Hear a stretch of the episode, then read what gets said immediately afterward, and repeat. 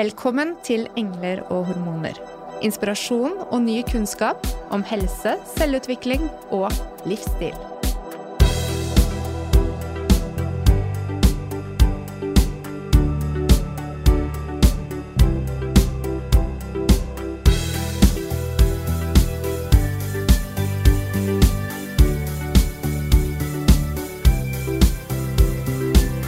Kjære lyttere. Hjertelig velkommen til en ny episode med Engler og hormoner.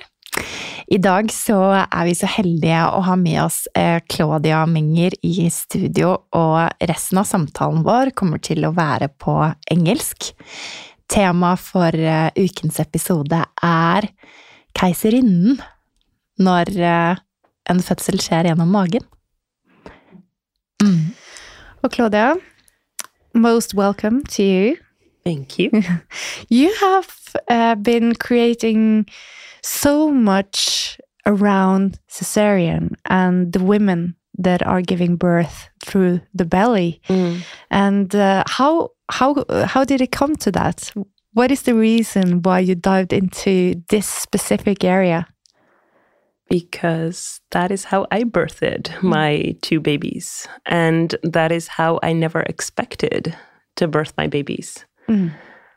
And coming from a first birth that I was totally gonna do vaginally, I thought, having no idea about how to even birth differently than through our vaginas, that left me completely shocked having to birth my firstborn through my belly. So that turned out to be quite a traumatic first birthing experience.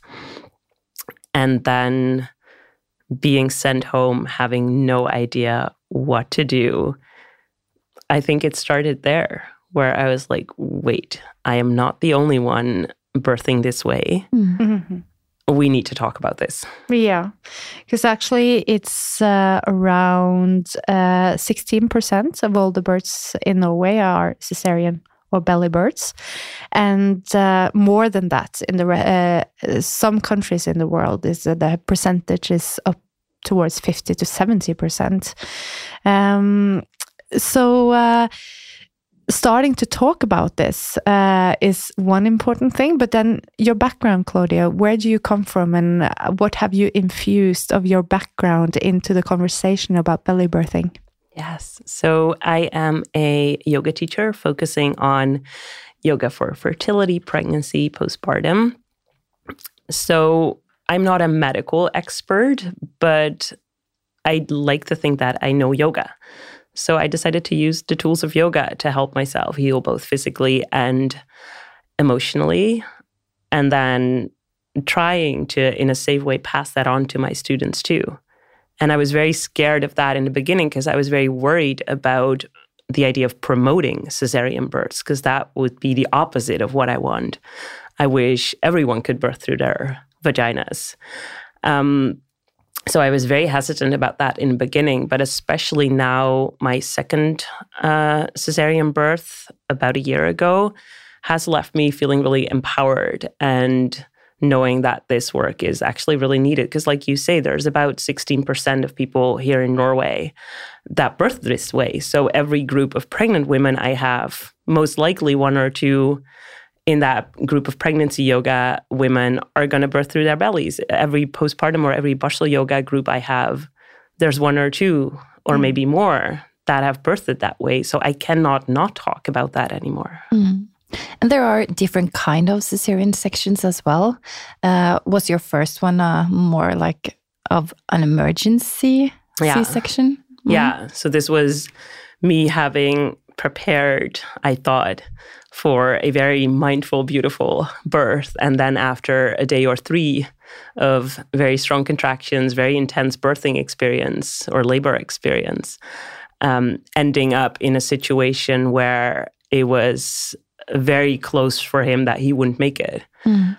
And there was a point, and that was much more or much earlier before day three, that I knew that it wasn't going to happen, but that was something that I was one not able to express, and that two wasn't followed or listened or believed by the medical um, by the people in the hospital.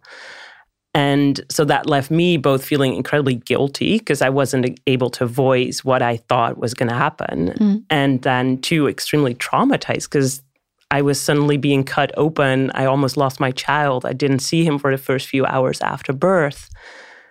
That was a very different start than what I had imagined. Lifting a baby out of myself onto my chest was how I pictured birthing. and this was very different from that. And there's also uh, sections that are more planned. Your uh, second birth wasn't that planned, but it was, as you said, a really yeah option. Yes. Oh, totally. So when I got pregnant again uh, with my daughter, I knew it was an option. Like I really wanted a vaginal birth, and I worked really hard on preparing for that. I invited in a doula.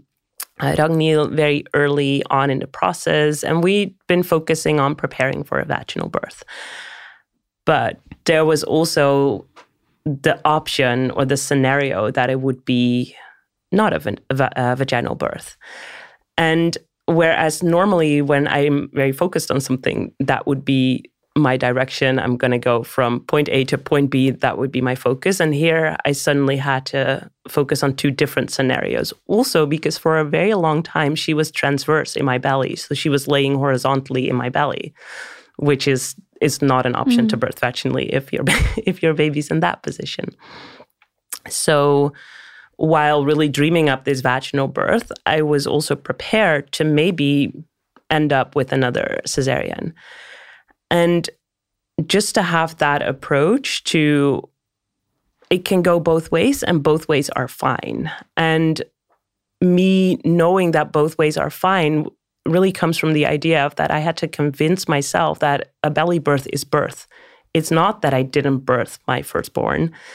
It was, or it, yeah, I did birth my firstborn too. It was not someone who took him out and birthed him for me. Yes, they, it was a surgery, but I really believe that I gave birth. And going into my second birth really was so much better than, or just because of that, was so much better. And there was this point during this birth that I knew that she wasn't going to come out. We were in the tub. The warm water didn't give any relief. The um, the pain I felt from contractions was really my bones. There was nothing other happening than that. So I knew, and I was much more able this time to voice that to the people in the room. Also, because I had a doula with me, I had me and my man had practiced this a lot. And I guess part of me was, in a way, quote unquote, lucky because I had already had a cesarean birth. So at some point, and this was still after many hours, I think after an hour or 15 or so, um, we realized that this wasn't going to happen the way I imagined, and it was another cesarean. But this was not a life or that situation.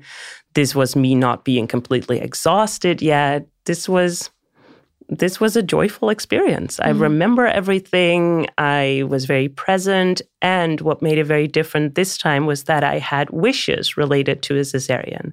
So it was, for example, very important to me that I could have her on my chest right after she was born, that they could do delayed cord clamping. So they would wait a little bit with cutting her cord, just like they would do with a vaginal birth.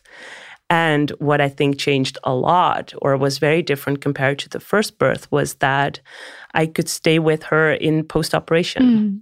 So, where people are normally or most often separated, like the birthing person would be sleeping and the child would be with the birthing partner, we stayed together because that's what I really wanted. Hmm. And we had a separate room. This was very possible. I think we often think that things aren't possible at a hospital, but there was a room right there and we were together. And I think that made things so much easier to not be separated, to be able to breastfeed her right away, to just be together after Yeah. birth. Yeah.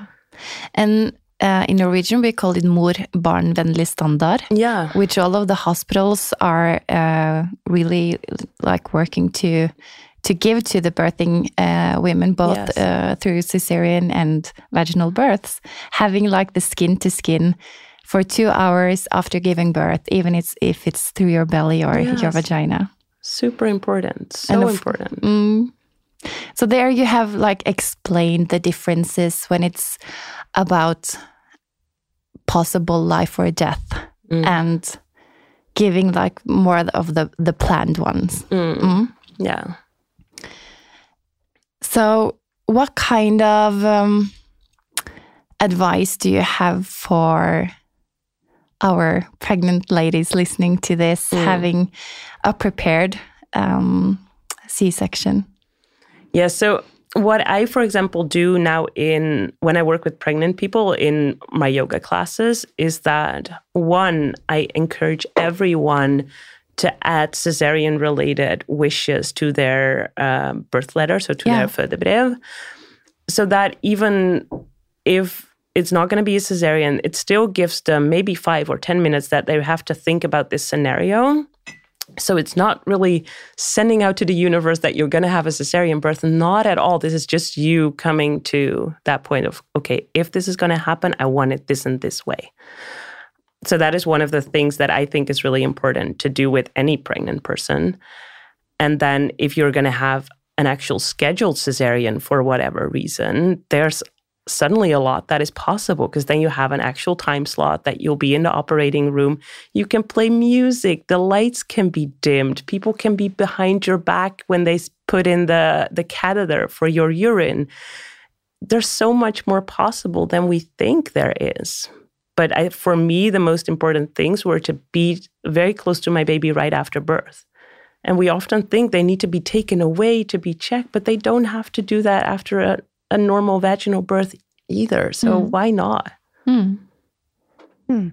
And what about the time it takes for the baby to come out, like actually belly birthing, Mm. like giving it some time for the baby to work its way out? Do you have an experience uh, uh, to share about that? Yeah. So with my first, because it, it was, he had to get out mm-hmm. basically. So they just had to do that really quickly. But with my second, it was a much more gentler mm-hmm. process. Like you're still in an operating theater in a hospital where they work with time and mm-hmm. money.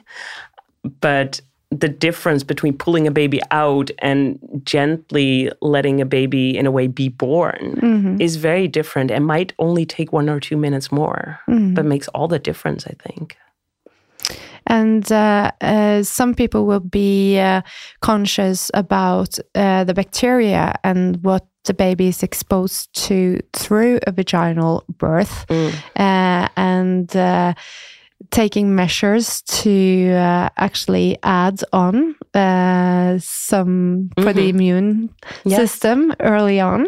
Did you practice this? We didn't do that this time also because I was quite far in labor and I'd opened up quite a bit. So we had the and my water had been broken. So she'd been exposed to a bit of bacteria through that.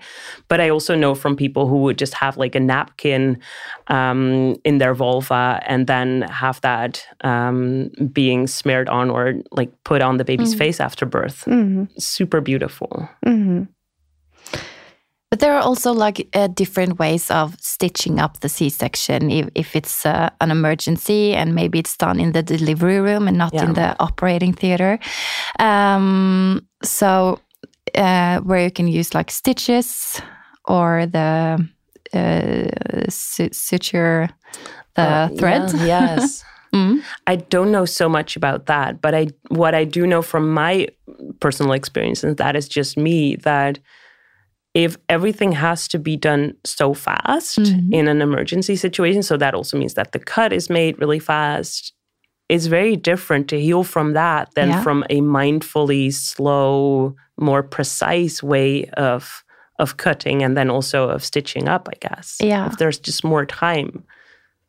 So I learned from the gynecologist in uh, our lunchroom earlier today that they use like the stitches, the um, uh, yeah, the Yeah. stiftene. Yeah. um, when it's more likely that there might be an effect infection if they didn't have the time to, um, yeah. Yeah. Interesting. So, like in preparing the incision, so Yeah. it could be more bacteria present. Yes. Yeah. Uh, there are so many considerations to take, and uh, in the matter of life and death situation, of course, we're so grateful that we have uh, our amazing colleagues that Yes. saves lives. Oh, totally. Mm. Totally. Mm. So, um, do you have any more thoughts on how to prepare for birth, including a belly birth, uh, Claudia? my most important thing is just to not do what I did and skip every chapter about cesareans when you read birth prep books or Mhm. when you when you prepare for birth. Mhm. And I also think that a good birth prep course should include this scenario. Yeah. If you are preparing for a major life change like this and just simply looking at the stats, it might be possible. Mhm. So you might as well read a little bit about it. So, going back to your first pregnancy, say that you would come to me for preparation for birth. Mm. How do you think yourself would have reacted if I brought up cesarean as an option? It's so interesting because this is the reason why I skipped all of that. I was like, that's not going to be me. Mm-hmm. I'm like, I'm going to birth through my vagina. This is what I prepared for. This is what I can do. I was convinced. Yeah, and I think also as a as a health pra- uh, practitioner, I'm often very conscious of honoring the mom's wish and be like following the lead towards a planned birth. But I think here is is maybe somewhere I need to toughen up a bit and be able to speak the words uh, to give the woman the option to actually prepare. It's a little bit easier maybe for me because I can say, you know, because I was that person. So I can just use myself as an example. hmm I think this is something to think about for everyone that works within women's health and pregnancy care. Mm. So the baby's born, and uh, you are there in the hospital. What are you th- uh, your thoughts on how to care for yourself or ask for care uh, in the first, you know, moments and hours and days postpartum? It's very interesting because I didn't have much space to even think about that after my first birth because I was just in shock. But now, last year, when my second was born that way, I had much more space because I was clear in my head. I wasn't traumatized. I even joked to my husband, I was like, I don't think I'm traumatized this time. But it gave me so much space to consider and to feel through what I could then start doing. And the most important thing for me was to connect to my breath right away. It was just to find slow breathing patterns that helped me kind of ground while I was there, to calm down my nervous system after birth, because no matter how it happens, birth is a very intense event. So to ground myself, and also what that really helped me do was to work with the gas that starts forming after a cesarean birth because I didn't have that at all with my firstborn, but apparently it's really common to get gas pains after a cesarean. Mm. And while all that gas was building up in my body and starting to feel really, really uncomfortable, and all that the doctors or the nurses would say, like, you have to walk. And you've just had major abdominal surgery, and then you need to walk. And I get it, it's amazing for circulation, but it's also really hard and really painful to walk. So even going to the to the bathroom was uh, quite an undertaking to do that after an operation like that. So I figured I had to find other ways to get that circulation going to get rid of all that gas. That was not just walking because I couldn't really walk other than going to the bathroom. Hmm. So I would just gently breathe. I would imagine my breath being really slow and letting it travel as deep as I could and as slow as I could, and really focusing on getting all the air out of my lungs on the exhale. So I would make lots of space for a new inhale and just to be there, to be present. And then while I was there, I would gently circle my ankles or maybe wiggle my toes or rolling my wrists so that I could also find other ways to get that circulation going that wasn't walking because I couldn't really walk yet. Uh, and uh, in the planning of this uh, episode, we asked our followers if they had any questions, and just about this. There has been a question, a woman that asked, How can you get access to the breath when, as she describes it, the front line of my body feels 20 centimeters shorter than the back line and Mhm. difficult to find space? Do you have any like advice or positions or anything that could help the woman to find her breath Yeah, I- postpartum? think one would be to be in a supported position. So we don't need to be sitting straight up, like prop yourself up with pillows so that you can at least be as comfortable as possible so that as many of your muscles can relax while you are sitting or laying down. That already creates a lot of softening, I think, around the chest, around the belly, so that you can already breathe a little bit easier. And then also start easy. Don't beat yourself up. Like when I talk about finding that deep breath, that might take a little bit of time. Start slow and as shallow as you are at the beginning, fine. And then deepen from there. Because if we start being unkind to ourselves right away, we start to clench everywhere. We start to clench our jaw. hmm That's not helpful for us either. So start very gentle, find that connection, and from there it will flow. Or maybe sigh a little louder. And it's just about that uh, pumping mechanism of uh, changing the pressure within the body by breathing is also increasing the circulation, uh, which is so crucial. And another question we actually got in is how to increase the circulation. And you just gave some beautiful advice on that. Uh, so, so if I would say that. Uh, uh, elevating your feet as well could be helpful. Would you say, with your experience, that would be okay post cesarean? Yes, totally. Yeah. And especially with anything soft. hmm At least all I wanted was soft. So pillows everywhere. hmm and have yourself be propped up. But also, what for me gave a lot of comfort, and what I know also helps with circulation and also helps with getting rid of all that gas that might build up, is warm things. So warm tea, warm foods, fiber fiber foods, just to help things flow again. hmm Yeah, all about the flow. Amen. Yeah. Okay. There is also like an increased risk of blood clots in uh, so that's also why the circulation is really important as well as for the ga- gas that mm. you're mentioning is building up. So when we are doing a C-section, there is cut through so many layers uh, of skin, connective tissue, muscles, and so on, even the uterus as well, and to get the baby out. And then we come home. Maybe it's a bit scary to touch the area where the C- C-section has uh, um is or the scar is. Yeah. So how should we uh, like move on and get in contact? You have started talking about the breath. What about touching the area, soft, soft and gentle? Mm. Yeah, I was I had no idea what to do. Like when you go home from the hospital, I think you know very little. I didn't even know when to take the band-aid off, what would happen with the stitches. I had no idea.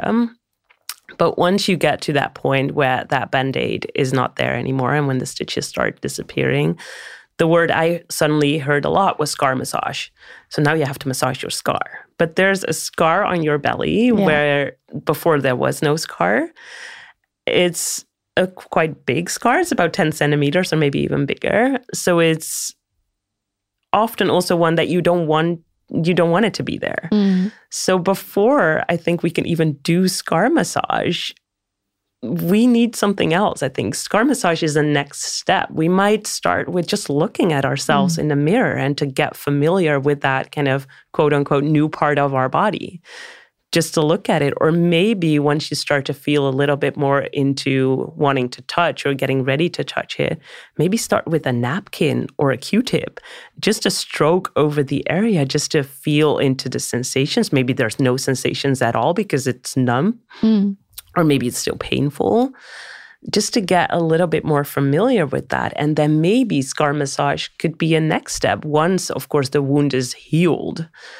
And maybe you start massaging the area around it first before you actually get into the scar. Mm. And what I would always recommend is to see people like you because most people have no idea how to massage a scar. I had no idea. I was on YouTube looking this up, but then I actually felt much more comfortable going to Muna and having someone looking at it, looking and, at it, and support you doing it. Yes. Mm. And I think um, many women will uh, acknowledge and uh, have had the experience that it is difficult to actually even look at the scar.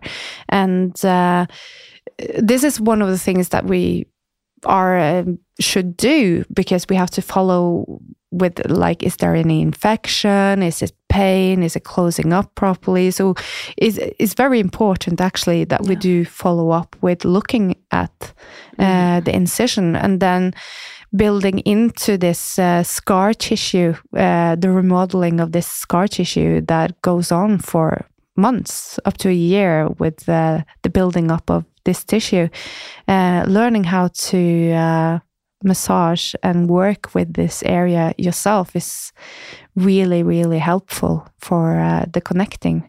But um, there seems to be um, in a way a bit uh, lucky if you know that you can do it because a lot of people will not have the uh, knowledge or even get the information that you can actually do some of these things yourself and uh, I just want to say that you do not need to go and see someone like me or Ingvild. Uh, there are also now really good resources mm. online mm. uh, that could explain to you a bit about how to do this yourself if you live somewhere or don't have access to someone yes. that knows how to do this work.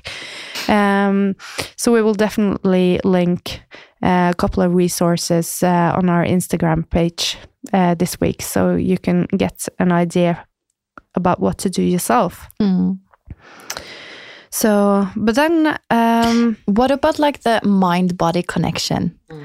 Like, as you said, it might be a trauma, a traumatic uh, experience for the for the women, mm. um, and also like in that taking the this part of the body back and be mm. kind totally. to it. Yeah. Mm.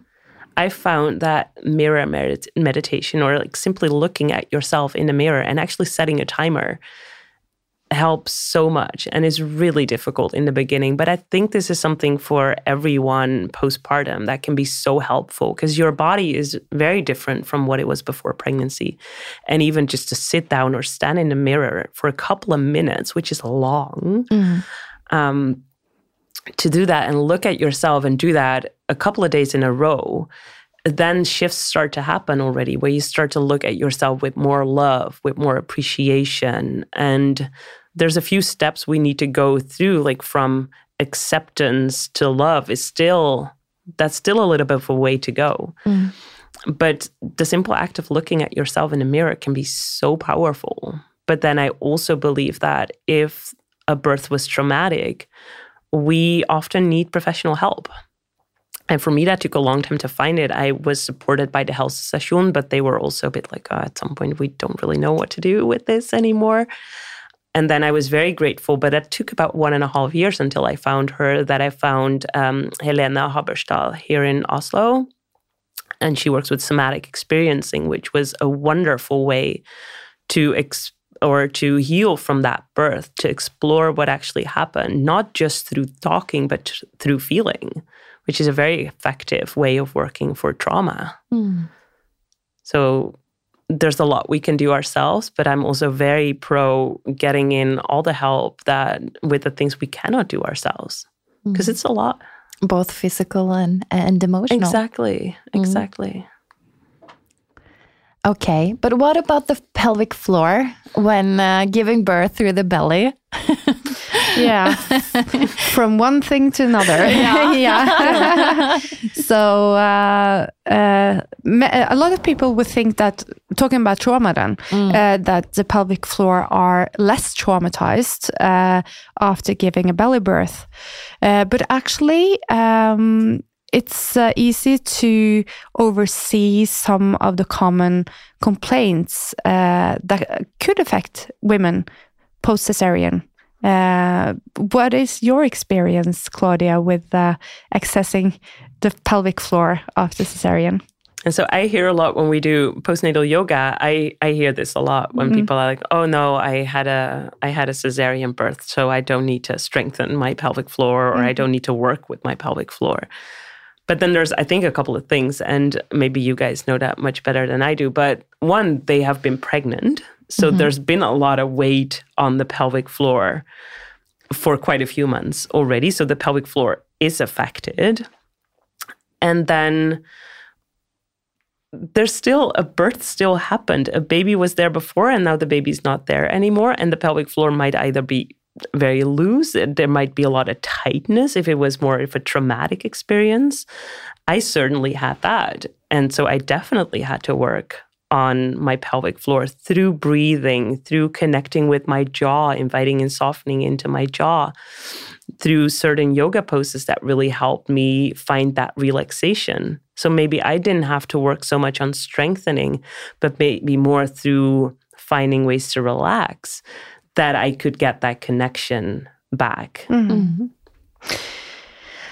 So I can't really explain or have any research behind what I'm saying now, but this is just my experience. Mm. Uh, is that in different women that I've met throughout the years, uh, having an incident somewhat traumatic or even painful uh, can disconnect you from the pelvic floor and actually activating it. So I've had the opportunity to see this in women uh, after they've been experienced, for example, severe back pain. And uh, within a quite short amount of time, just actually lacking the ability to use your pelvic floor correctly. And I think this is such a game changer if we know that many things can change quite quickly in this area too. And uh, um, of course, like you say, Claudia, uh, the amount of weight and the carrying of the uh, the uterus and all it contains, it is uh, quite hard for the pelvic. It's hard work for the pelvic floor. Definitely. Mm-hmm. Definitely. So I think we could see many different presentations of the pelvic floor after a belly birth, just as we can see after a vaginal delivery. Exactly. Mm. Yes.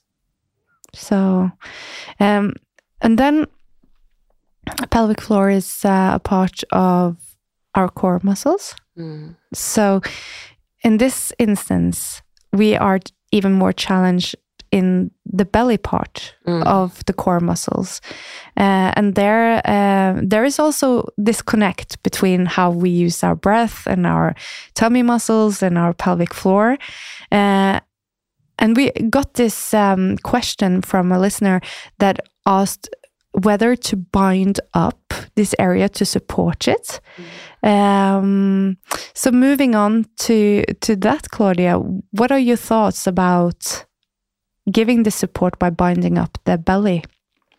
I think this this answer has many layers because there's on the one hand belly binding is a very traditional practice in some countries so it can be a very healing way to feel supported mm.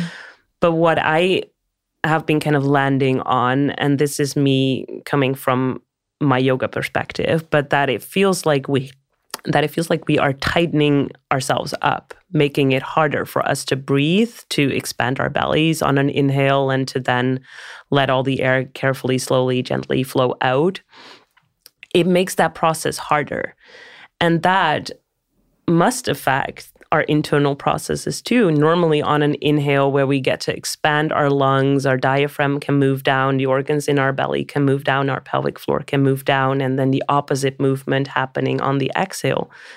We have less space to do that while our bellies are with a belly binder. And then also, I think what I find a little bit sad is that the focus with belly binding products has been so much on getting a slimmer waistline. And I find that really sad. Mm. If we focus on that so early after birth, I think that that shouldn't happen. That shouldn't happen at all. But that just breaks my heart that we put that pressure on people to get a slimmer waist after birth. Mm-hmm.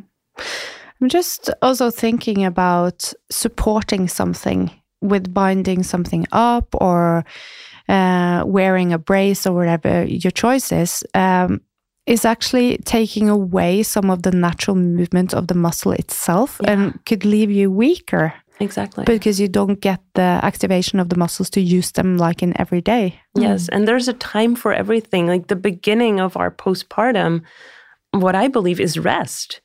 And then after that, when our muscles are, or when we are getting a little bit more ready to move again, then we can get that natural activation from our muscles again. They will support us. Mhm. But we should allow ourselves time. And I think that is what we're often not so used to anymore. Mm. That we want a quick fix for something. Yeah. And also, actually, we're putting more strain on the pelvic floor. So, yes. if we do have a dis- uh, dysfunction down there, it could increase uh, potentially uh, the the symptoms. binder. Mm. Yeah. So we have talked a little bit about rest and finding good positions to rest in. What are your favorite positions to find rest? Oh, rest. One of my favorite topics. And I think, or I have this desire that we would all, in general, rest a little more. Mm. But especially after birth, when we are often so eager to get back to moving or to quote unquote get back into shape or to bounce back, which I'm really not interested in. But if we can allow ourselves to be supported, to be propped up with as many pillows as we have, especially after having had an operation, what a mm-hmm. C section is, you need support and you need to rest because otherwise you cannot heal if you if you are not resting. So as many pillows as possible, prop yourself up, maybe be on your back but a little bit elevated or on your side if that is possible, but that's often quite painful on the sides of the scar or on the sides of the incision. But support, support and then rest as much as you can. Yeah. And doing like the um, nursing also Yeah. in uh, good resting Supported. positions. Supported and Mm. I have um, my friend Kelsey, who um, is a postpartum expert, and she has this quote, I think, saying five days in the bed, five days on the bed, and five days Yeah. around the bed, or something. And I think this makes so much sense, like really tucked in under the duvet, under the covers for those first days. And then maybe you're sitting a little bit more onto the bed, and then maybe you stay close to the bed after. But no hikes just yet. Just take it Don't slow. hike home from the hospital. No. So, uh, because that's quite in- uh, interesting in knowing where to, to pace your activity, because I know we had a chat with Kelsey uh, Mm. before, and uh, I also got this comment back that, you know, this could never work for me, because if I were to stay still for that long, I would go crazy. I need to get out. So, Mm. of course, there are different Totally. needs here as well. Uh, and um, uh, with, uh, I think you so beautifully say about the supported positions. Mm. Uh, and I think one thing is supporting the incision area as well. If you do have the, if you have the cough or Mhm. when you go into the toilet, like, uh, because that's something different than belly binding is actually using maybe a pillow to just Yeah. support the area as well directly. Super important. Mhm. Especially like you say when you cough or when you sneeze, just even to hold that area makes Mm. such a difference. Yeah. So, but what about when you get back into movement? Mm. Uh, should you be like within your pain threshold? Should you try to push it? Like, where do we, where do we start moving, and what what is the signals we should listen to? So I like to use the tools I have of yoga, and which is a very gentle yoga practice that I have. And fortunately, here in Norway, we have often access to barsel yoga classes, either online or in the in the town or the city where you live. And I think that's often a very wonderful start. But even regular movement, what for example often happens in a yoga class is that we at some point do cat cow. Yeah. Mhm. So we're on all fours and we arch our spine on the inhale and on the exhale we'll round. But even that, what you think might be simple movement of arching and rounding the spine can be really hard, especially in the arching when you've had an incision Mhm. in your belly and everything is just a little bit tighter. I was incredibly surprised that I couldn't really arch my spine in the beginning when I just started moving. And so be very mindful of that. I am not interested in going anywhere near pain, actually. I I think pain is a very valid signal from our body to say that no, this is not okay right mm. now. Mm. So that just might need a little bit more time. Feeling a little bit of a stretch or feeling yes. that something is happening. Yes. That might be a good place to Yes, a sensation, mm. but not a pain.